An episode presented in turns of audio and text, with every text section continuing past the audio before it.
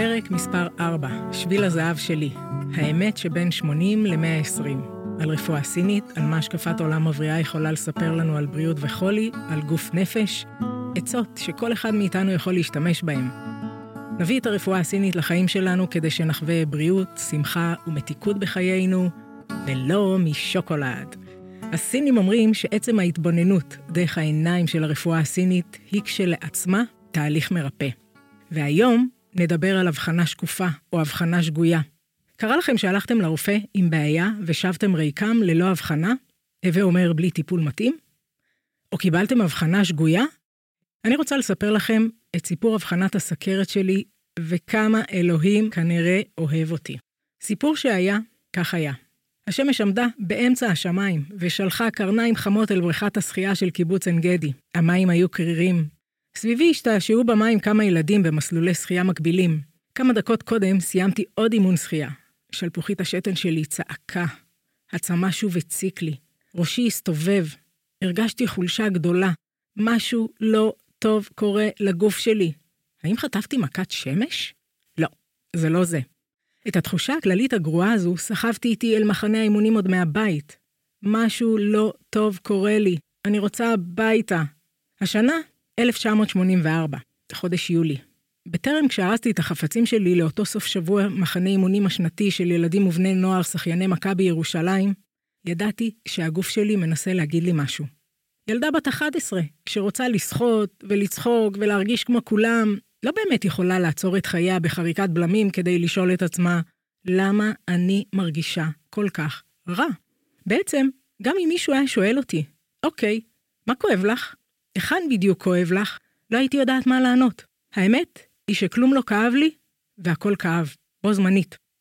לא כאב לי הראש, גם לא הבטן, וגם כאבי גרון לא היו. ובכל זאת, התחושה הכללית הייתה קשה, חולשה, עייפות, אי נוחות כללית וחוסר שקט. לא הכרתי את קשת התחושות האלה בעבר.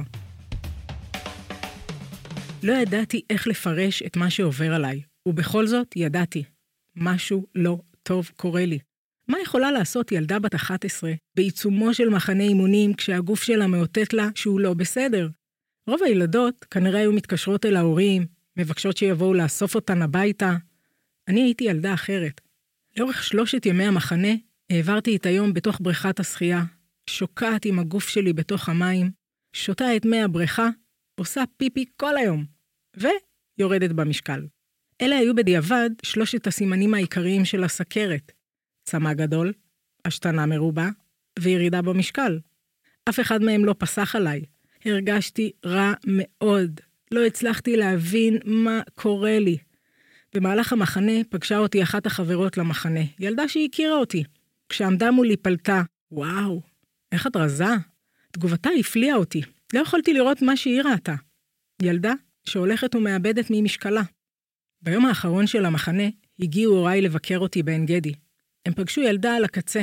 כאשר שבתי באותה שבת הביתה, הגוף שלי צעק בקול רם, אורות אדומים נדלקו ויבבו כל הזמן. אני זוכרת תמונה.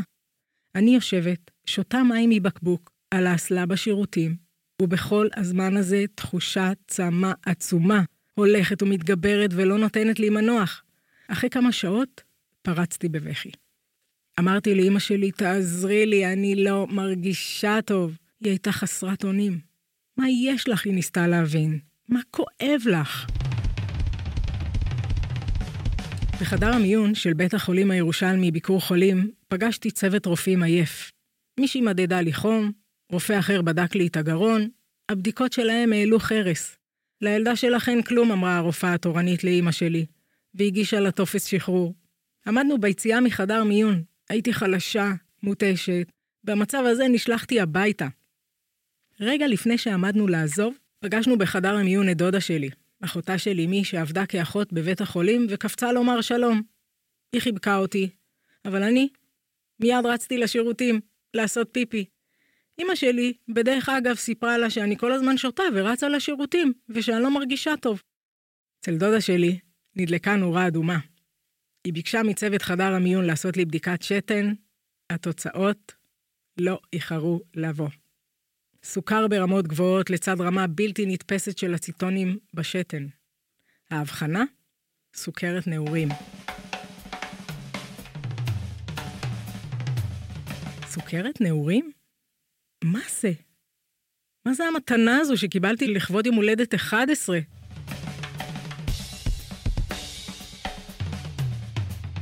כאשר הגיע הרופא לשוחח עם הוריי, הוא דיווח להם בייבושת כי הילדה שלהם חולה בסוכרת נעורים. שכבתי במיטת בית החולים וניסיתי להבין מה קורה באמת. עתה, כשאובחנתי, וצוות הרופאים מצוות מצבי בעזרת אינסולין, הרגשתי יותר טוב. לכן לא הבנתי מדוע פניהם של הוריי הרצינו, ולמה האחות שסידרה את הכרית מתחת לראשי מביטה בי ברחמים מאחורי וילון בית החולים, שהקיף את מיטתי, שמעתי את הוריי שואלים את הרופא בפאניקה, האם הבת שלנו עומדת למות?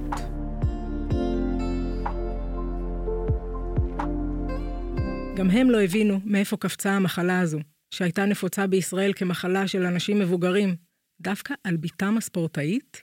סוכרת נעורים, חשבתי לעצמי. מה זה אומר בכלל? האם באמת חיי עומדים להשתנות מן הקצה אל הקצה? ההורים שלי, בכל אופן, חשבו שאני עומדת למות. כילדה, לא הבנתי מה זה אומר, ולא היה לי עם מי לדבר. הסיפורים היחידים שהוריי הכירו על סכרת היו משמועות על אנשים קשישים, לא מטופלים, שהולכים וגוועים לאיתם, ולעיתים מאבדים את הרגליים מהמחלה הארורה. לא הייתי מוכנה לזה. אהבתי את חיי. רציתי להשאיר את שגרת היומיום שלי בדיוק כפי שהייתה. עד לרגע קבלת ההבחנה שהכתה את סביבתי בתדהמה, הייתי ילדה בריאה. מגיל צעיר התאמנתי, השתתפתי בספורט באופן תחרותי, כטניסאית ושחיינית. ואי אפשר היה לחשוד שמכל הילדים בעולם, דווקא הגוף שלי יחליט להתמרד ולהרים דגל אדום. אני? חולה? איך זה יכול להיות? בחוויה שלי הייתי ילדה פעילה ועסוקה שהלכה לצופים, שיחקה טניס, הייתי שחיינית מבטיחה בנבחרת מכבי ירושלים, הייתי בחוגים לנוער שוחר מדע, הייתי ילדה מחוננת לא מאובחנת בשנות ה-80. ברגע אחד עולמי התהפך. עתה הייתי צריכה לאסוף מידע חדש.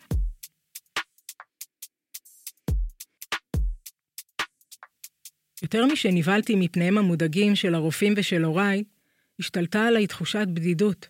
בשנת 1984, עולם ללא אינטרנט, ללא רשתות חברתיות, ללא קהילות דיגיטליות שיכולות לחבק אותך, סוכרת נעורים סגרה אותי באותו גטו של מחלות לא נפוצות.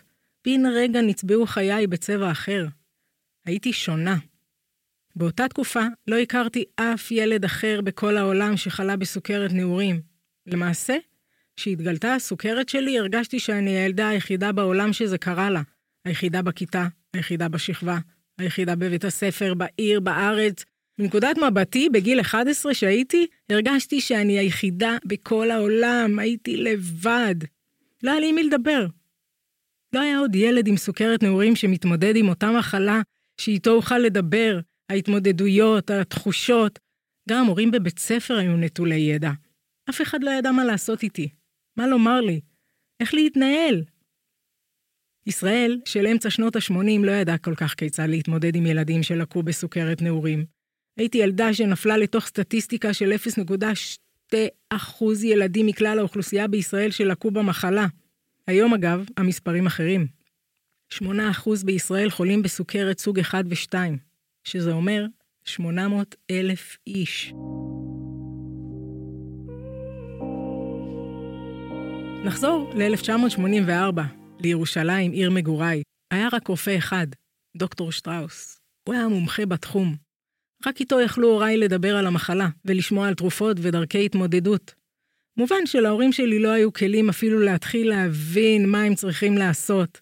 באשר אליי, כל פעם שפגשתי אותו, הוא הביט בי במבט שלא היה בו שמץ של רכות או חמלה, ונהג בעיקר להפחיד אותי. אם לא תשמרי על הסוכר, רמת הסוכר בגוף שלך, הוא אמר, את תראי עיגולים שחורים, אם לא תדאגי לעצמך, תגיעי לדיאליזה. איים עליי. דיאליזה? מה זה המילה הזו בכלל? זה אמור להפחיד אותי? ילדה בת 11 לא מבינה באיומים לגבי העתיד הרחוק מן העין, וממה שהדעת תופסת. לא יכולתי להחזיק בנק של פחדים בתשלומי אשראי רחוקים. מנגנוני ההגנה שלי חסמו כל אפשרות כזו. אולי בצדק.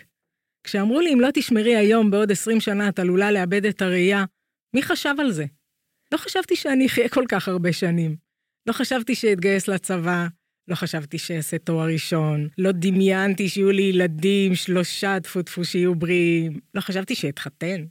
לא ראיתי מסלול חיים שנפרס עשרות שנים קדימה. לא הייתה לי תקווה, ובטח שלא אופטימיות. לעצמי חשבתי, כל יום שאני פה, אינו אלא נס. מנגנון ההגנה שלי היה הכחשה. ההכחשה שירתה את הצורך שלי לשמור על עצמי בריאה נפשית בתוך המצב הזה. הדחקתי והדחקתי ואכלתי הרבה שוקולד, ולא קרה כלום. התקרה במקום, הרצפה במקום, השמיים לא נפלו. אולי בכלל הרופא הזה סתם מפחיד אותי? ניצחתי את כל האבחנות. כל יום שעשיתי עוד משהו שהרופאים חשבו שלא אצליח, ניצחתי. אני גם אוכלת את העוגה, וגם משאירה אותה שלמה, תרתי משמע. מבית החולים יצאתי עם הוראות הפעלה אחרות לחיי החדשים. אני, הילדה שאפילו אקמול לא נטלה, קיבלה ציוד רפואי ובדיקות מעקב מעתה ולתמיד. אחיות בית החולים לימדו אותי להזריק לתפוז, איך להשתמש במזרק, כדי שיוכל להזריק לעצמי לבד אינסולין. זה היה מראה שנדרש היה לאנשים זמן להתרגל אליו, משום שבשנות ה-80 המזרק היה גדול, עם מחט ארוכה, מהסוג שמזריקים איתו היום בוטוקס, והדקירה הייתה כואבת מאוד. האינסולין, שהיה מופק בזמנו מחזיר, שאבתי מבקבוקונים קטנים, והזרקתי אל הרגליים. זה היה אינסולין לא צלול, שהכיל משקעים, ונדרש לנער היטב את הבקבוק לפני ההזרקה. לא ניערתי, האינסולין לא נספג. הכל השתנה מאז, לשמחתי. האינסולין מיוצר היום בהנדסה אנושית. אותו מכשיר לבדיקת רמות סוכר היה בשנות ה-80 בגודל של מדפסת. המחט שדקרה את האצבע השאירה לי סימן גדול בצורה של משולש, ולא נקודה קטנה על האצבע. ובכלל, היום יש סנסור בבלוטוס, אה, אני יכולה לראות מה רמת הסוכר. הטיפול בעבר היה שמרני ומיושן, זריקה בבוקר, זריקה בערב, במהלך היום תרוצי אחרי גרף אינסולין עם תפריט עצוב ומתוכנן, ארוחת בוקר, תפוח בעשר, צהריים וערב, ארוחות ביניים, תפריט עצוב. הרוח האופטימית שלי לא חשבה לעשות עניין גדול מהמחלה. בסדר, אמרתי לעצמי. זריקה בבוקר אחרי צחצוח שיניים, זריקה בערב לפני השינה, בדיקות מעקב יומיומיות ותקופתיות, לא בעיה, אפשר לחיות עם זה. ולכן, בגיל 11, למרות השינוי המשמעותי, החלטתי לא לוותר על ספורט, שהיה כל עולמי. המשכתי את חיי לכאורה כרגיל, שיחקתי טניס, שחיתי בבריכה, המשכתי להתאמן בנבחרת מכבי ירושלים, נפגשתי עם חברים, ואת החופש הגדול שבין כיתה ה' לו' העברתי כמו כל ילדה ירושלמית, עם חברות ובצופים, ובספטמבר חזרתי אל בית הספר, כמו כל הילדים בישראל. החיים חזרו בהדרגה לשגרה, אמנם שגרה אחרת, לא מוכרת, ובכל זאת, שגרה.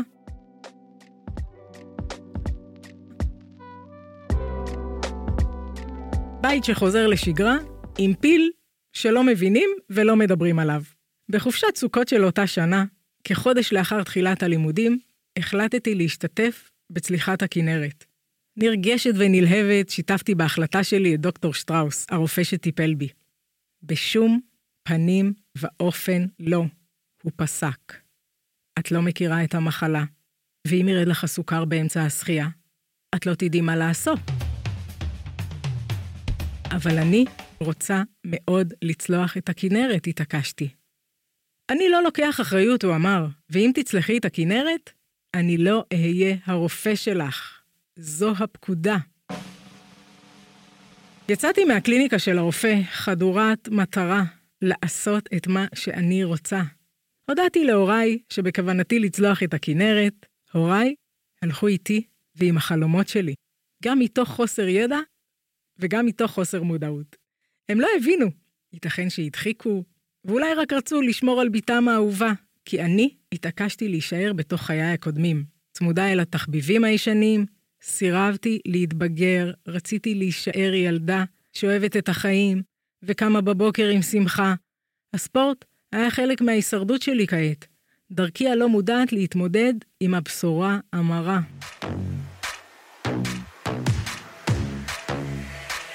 בבוקר שבו התקיימה צליחת הכנרת, יצאתי בשעת בוקר מוקדמת, מהבית, מלווה בהוריי. אל החוף הגעתי בציוד מותאם, זוכרת היטב כי חששותיו של דוקטור שטראוס התרכזו בשאלה מה יקרה אם רמת הסוכר בדמי תצנח אל רמה מסכנת חיים במהלך השחייה. מבעוד מועד הכנתי שקית של סופרמרקט. לא היה שקיות טכנולוגיות, אטומות, אה, ג'ל סוכר, ג'ל קפה. לקחתי שקית, אפילו רמי לוי לא היה. שקית של הסופרמרקט, הכנסתי מלא מלא שוקולדים לתוכה, וקשרתי אותה על הצוואר שלי.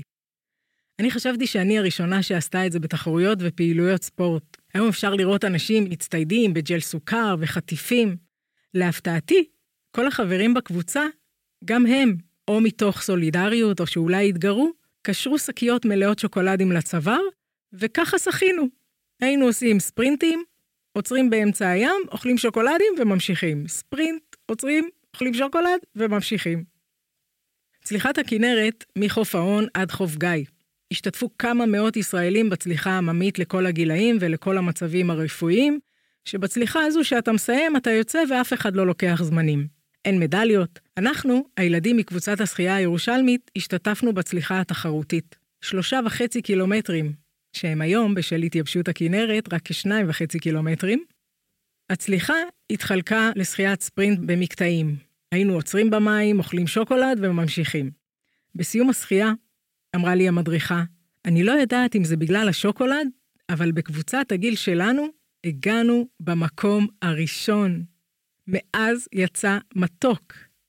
אני חושבת שזו הייתה הפעם הראשונה שראיתי וחוויתי איך אפשר להפוך מכשול למדרגה. הוריי חיכו בסוף המסלול ומחאו לי כפיים. היום אני לא מצליחה לעכל איך הם שלחו ילדה בת 11 עם סוכרת אל תוך המים. אולי זו הייתה הדחקה, ואולי סמכו עליי ועל היקום. מעולם לא שוחחתי על כך עם ההורים שלי, זכרם לברכה, על הימים ההם. דור האימהות, שאני חלק ממנו, מתנהל אחרת לגמרי היום. אנחנו מניילנות את הילדים שלנו רק שלא יקרה להם כלום. אני את שלושת ילדיי עטפתי בניילון נצמד, תחת היסטריה גדולה עד שחצו את גיל 11, הגיל שבו אני חליתי. בחנתי כל יום ויום את תנועת הנפש שלהם, את הרגשות שניהלו את חייהם. חרדה עצומה ניהלה אותי, כאימא צעירה. העסיקה אותי המחשבה האם מישהו פגע בהם, האם מישהו הכעיס אותם. כשראיתי את שיווי המשקל של אחד מילדיי מופר, נעמדתי על שתי רגליי האחוריות כדי לגונן עליהם.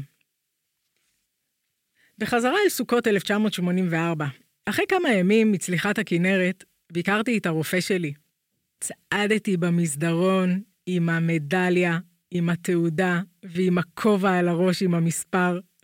פתחתי את הדלת של חדרו, הוא הרים את מבטו מהעיתון שקרא, הסתכל עליי, ומרוב תדהמה נפלה לו העוגייה אל תוך הנס קפה. הוא היה המום. איך עשית את זה? הוא שאל אותי. סיפרתי לו על שקית השוקולד שקשרתי לצוואר, יחד עם כל חבריי בנבחרת, וגם על המקום הראשון שהגענו. נפתח לו צוהר, להפוך אותי למנטורית לחולים חדשים. מי שמע אז על מנטורים? היום אני מבינה שלא צלחתי רק את הכנרת, צלחתי גם את ההתמודדות הראשונה שלי עם מחלת הסוכרת. לצלוח את הכנרת, כשהייתי ילדה בת 11 שאובחנה לפני שלושה חודשים, שאף אחד לא ידע עדיין איך להתמודד איתה, העצים בי את תחושת המסוגלות האישית. בעצם, אם חושבים על זה, צלחתי את הפחד הראשוני, הקמאי, שכולנו מחזיקים בתוכנו. ממרחק השנים אני יודעת שיש לפחד ההוא שני צדדים. הפחד למות והפחד לחיות את החיים בעוצמה הכי גבוהה. אין ויאנג תמיד ביחד. זוכרים? כמו שדיברנו בפרק הקודם? זו הבחירה. או לאין או ליאנג. או לפחד למות, או הפחד לחיות את החיים בעוצמה הכי גבוהה. היום כשאני חוגגת 40 שנה לאבחנת הסכרת נעורים, אני מחייכת בדיעבד על הכל וגם על זה. כל הניסיונות, השיעורים והכאפות שאכלתי בדרך, שהביאוני למי שאני היום ועד הלום. אבל כמו שסיפרתי לכם בפרק הראשון, על הניתוחים הכושלים בארץ ובחו"ל, המחירים של סוכרת בשנות ה-80 לא פסחו עליי. על החוסר מודעות, חוסר ההדרכה, בתוספת ההכחשה וההתעלמות שלי, שאולי אם מתעלם זה ייעלם. אל מול כל זה, אותה שרשרת ניתוחים לימדה אותי, בלית ברירה אמנם, וכקש אחרון, איך להיות הרופאה הטובה ביותר של עצמי. איזה מזל גדול היה לי, וכמה אלוהים אוהב אותי, שדודה שלי הייתה אחות, ובביקור חולים, ובדיוק במשמרת, וגם באה להגיד שלום. אחרת, הייתי הולכת עם אמא הביתה, ללא הבחנה. הסוכר היה דוהר לשמיים, ומי יודע באיזה מצב היו מוצאים אותי בפעם הבאה. ולכן, השאלה שלי אליכם, בפודקאסט הזה, מוקדשת להבחנה נכונה. האם נתקלתם בהבחנה שגויה? הבחנה שקופה? לכם? או למישהו קרוב אליכם? האם היו מחירים? האם היו השלכות? למה אני שואלת את זה? מכיוון שאומנם לרפואה המערבית וגם לרפואה הסינית יש פתרונות ותשובות למגוון בעיות מורכבות, ככל שיהיו. אבל אם ההבחנה לא נכונה, הטיפול בהכרח יהיה שגוי. ולפני שאנחנו רצים, וגם כאן בפודקאסטים איתי, שנלמד שיטות וכלים לשינוי אורח החיים ולפורמולות צמחים ותפריט תזונתי מתאים על פי העקרונות של הרפואה הסינית, ואיך להיות הרופאים הטובים ביותר של עצמנו. הלוואי שברפואה מונעת, כן? אבל גם ברפואה מתקנת. חשוב ביותר לדעת מהי ההבחנה והאם היא מדויקת. אני חושבת שאחת הסיבות שכשלמדתי רפואה סינית והכרתי את דוקטרינת חמשת הטיפוסים על פי חמשת האלמנטים, שיש בה ראשית את המרכיב האבחנתי של כל טיפוס, מעבר לחיזוי עתיד וניבוי חולשות, יש את הצד של האבחון. לאיזה טיפוס אתה שייך? שכנראה נשען על אותו ניסיון עם כמעט הבחנה שגויה של הסוכרת שלי בגיל 11. אז פעם היה רופא אחד, והוא היה אלוהים. היום יש דוקטור גוגל והבחנה שנייה. העצה שלי, הבחנה שנייה. אצל רופא, כמו גם אצל מדקר, כמו אצל כל מטפל. לא עזר, נסו מישהו אחר. בסוף, רופא, או מדקר, או כל מטפל אחר, הוא אדם. ומי שלא עושה, לא טועה.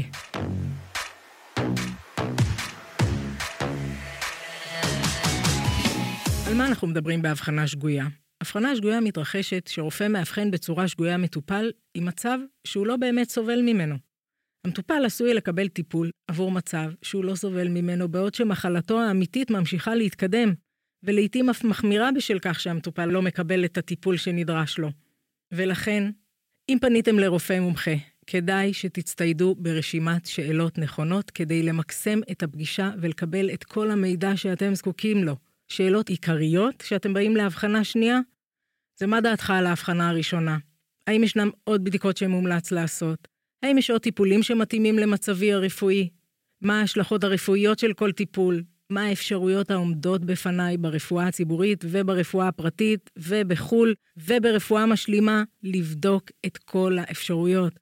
זה הזמן, זו ראשית החוכמה, וזה הצעד הראשון בלהיות הרופאים הטובים ביותר של עצמכם. לקבל אחריות מלאה על בריאותכם. תהיו מעורבים בכל אחד משלבי הטיפול בכם. תזכרו שזו זכותכם לפנות לרופאים לחוות דעת שניות, ולעיתים זה גם הכרחי. חוות דעת שנייה יכולה לשנות את פני הדברים ולהציל חיים.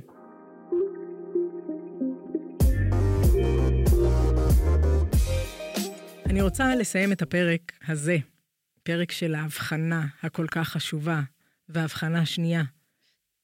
סיפור זן שנקרא "האומנם זה כך". מאסטר הזן, הכהן, היה מפורסם ומהולל בקרב שכניו כאדם שחי חיי צניעות ועוני. בשכנות לו גרה נערה יפנית שלהוריה הייתה חנות מזון. פתאום, ללא אזהרה, הוריה גילו שיש לה ילד. הדבר הכעיס מאוד את הוריה.